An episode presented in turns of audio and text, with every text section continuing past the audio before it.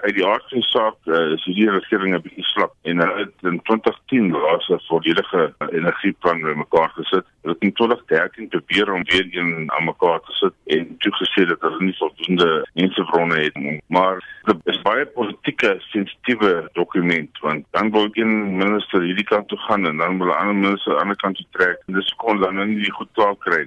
Hy blameer die departement van energiebronne hiervoor. Die ding is ons stel elke jaar nie te word maar weens die swakheid van die bestuur van die departement van energie dit sewe jaar laas plaasvind. Dis 'n tamaletjie.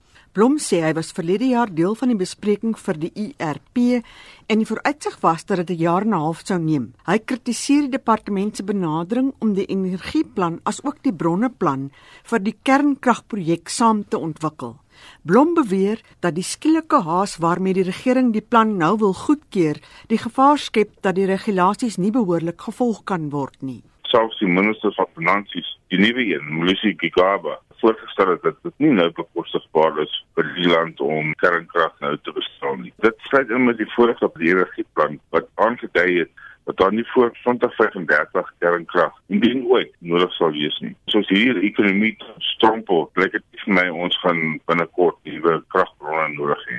Volgens Blom is daar baie beweringe dat die kernkragverdrag met Rusland reeds gesluit is. Dat die kernkrag aankoopverdrag in 2013 gesluit is toe meneer Zuma Rusland bring het daardie bespiegeling is al 100 keer deur die regering ontken. Een van die redes hoekom dit dan so ontken is omdat dan aanleiding sou wees dat die regulasies nie gevolg is nie.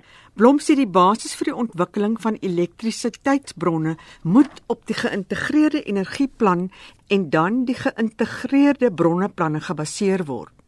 Die energie besparingsstrategie volg en daarna omgewingsevaluerings om die omgewing waar die kernkragstasie opgerig word te beskerm. Die dekaan van ingenieurswese by die Universiteit van Stellenbosch, professor Wikus van Niekerk, sê in Suid-Afrika is dit makliker vir mense en besighede om hulle eie krag op te wek. Maar die groot verskaffers van hernubare energie is onderworpe aan 'n rit streng regulasies om uiteindelik krag aan die netwerk te kan verskaf. En dit het beduidende koste, beduidende tyd en soos ons nou onlangs agtergekom het is dat as Eskom nie lus vir jou is nie, dan kan hulle 'n stokkie daarvoor steek. Maar dit is relatief moeilik in die Suid-Afrikaanse konteks om krag aan die netwerk op groot mate te verskaf. Suid-Afrika het in hierdie stadium 5 gigawatt op die elektriese netwerk wat uit hernubare bronne opgewek word.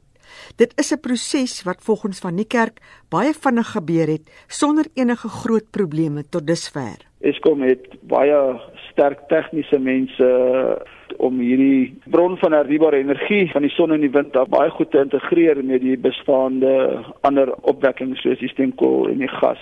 Die woordvoerder van Eskom, Kulu Basiwe, het bevestig dat daar 'n oorskot van elektrisiteit is. Van die kerk sê die Medupi en Kusile kragstasies gaan in die toekoms baie krag verskaf. Ongelukkig het ons wel hierdie twee groot steenkoolkragstasies wat reeds in aanhou is en jy stop nie so groot projek nie. Dit is eintlik 'n groter hindernis om meer hernubare energie op die nasionale netwerk te sit as die kernkragsentrale wat dalk eendag sal kom. Professor Wikus van die kerk sê herwinbare energie word wêreldwyd goedkoper opgewek Hy sê hy skat dat Eskom gemiddeld 77 sent 'n kilowattuur vir elektrisiteit wat hulle opwek of aankoop betaal. Die maatskappy is nou bereid om enige aanbiedinge uit die herwinbare energie sektor vir elektrisiteitsopwekking onder die prys te oorweeg. Hulle sê dis reg, hulle sal nou minder geld vat as wat op 'n tender gestaan het, maar Eskom net teken. En ek dink dit is 'n goeie voorbeeld daarvan dat hernubare energie in Suid-Afrika is beslis goedkoper as konvensionele kragopwekking. Professor Wikus van die Kerk, die dekaan van die fakulteit ingenieurswese aan die Universiteit Stellenbosch. Mitsi van der Merwe, SAK nuus.